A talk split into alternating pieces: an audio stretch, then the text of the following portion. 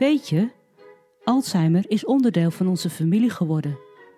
Hij trapt binnen en woont nu sinds een paar jaar bij mijn ouders thuis. En waar mijn vader gaat, gaat hij ook. Wij moeten dus Alzheimer accepteren en integreren in ons leven.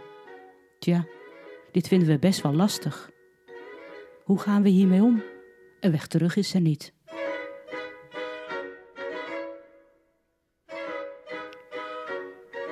Dit is Alzheimer in de familie met Esther Zijlstra. Hallo allemaal, ja welkom en fijn dat jullie er zijn, willen luisteren.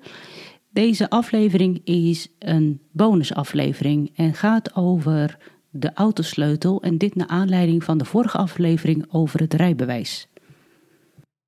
Wat ik nu ga vertellen heeft zich zo een jaar terug afgespeeld, maar ik wil eerst wat inleiden. Uh, mijn ouders halen standaard hun boodschappen bij een bekende supermarkt met twee letters. En mijn vader reed en mijn moeder wees altijd en eigenlijk steeds vaker de weg. Dus rechts, links, rechtdoor, over de rotonde, dat soort dingetjes. Mijn moeder had een rijbewijs, maar sinds een jaar of zes rijdt ze niet meer. Ze had te vaak uh, onverwachts last van haar neuropathie. Dus vandaar dat mijn vader steeds moest gaan rijden.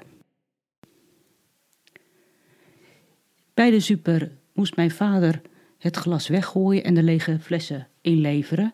Dat ging altijd goed tot die ene keer. Mijn moeder stond al binnen met een boodschappenkarretje toen mijn vader vertelde dat hij de autosleutel kwijt was. Samen zijn ze zijn weg nog eens nagelopen, maar niets. Ze vonden echt niets. En in de supermarkt was er iemand zo aardig om met haar eigen mobiel mij te bellen. Alleen ik nam niet op, omdat ik op mijn schermpje anoniem zag staan en dacht, nou, dat is vast wel een verkoper van een een of andere energiebedrijf. Maar vijf minuten later werd mijn man gebeld. En wij checkten even het nummer en dat was toch dezelfde. Dus gingen we twijfelen en nam mij op. Zo'n vijf minuten later ging ik naar hun huis om de reservesleutel te pakken. Al met al hebben zij 15 minuten moeten wachten, maar ze konden met hun eigen auto terug naar huis. Daar heeft mijn moeder de gemeente gebeld en de situatie uitgelegd en haar vermoeden uitgesproken. De sleutel ligt in de glasbak. Snel moesten zij mm, terug naar de supermarkt, want daar kwam iemand van de gemeente om de glascontainer op te tillen.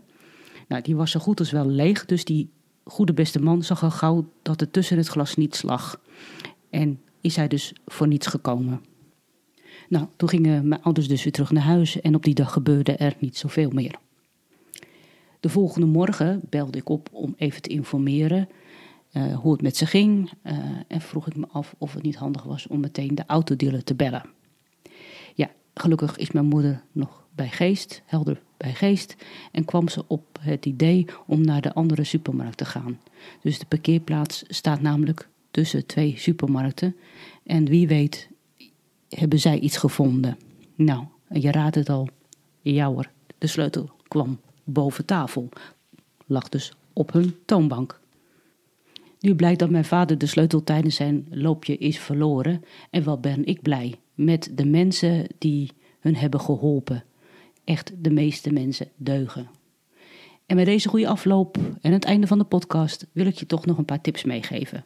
Geef mensen met Alzheimer nog wat klusjes. En is er echt iets in zo'n container gevallen, bel de gemeente en vraag om hulp of om advies. 3.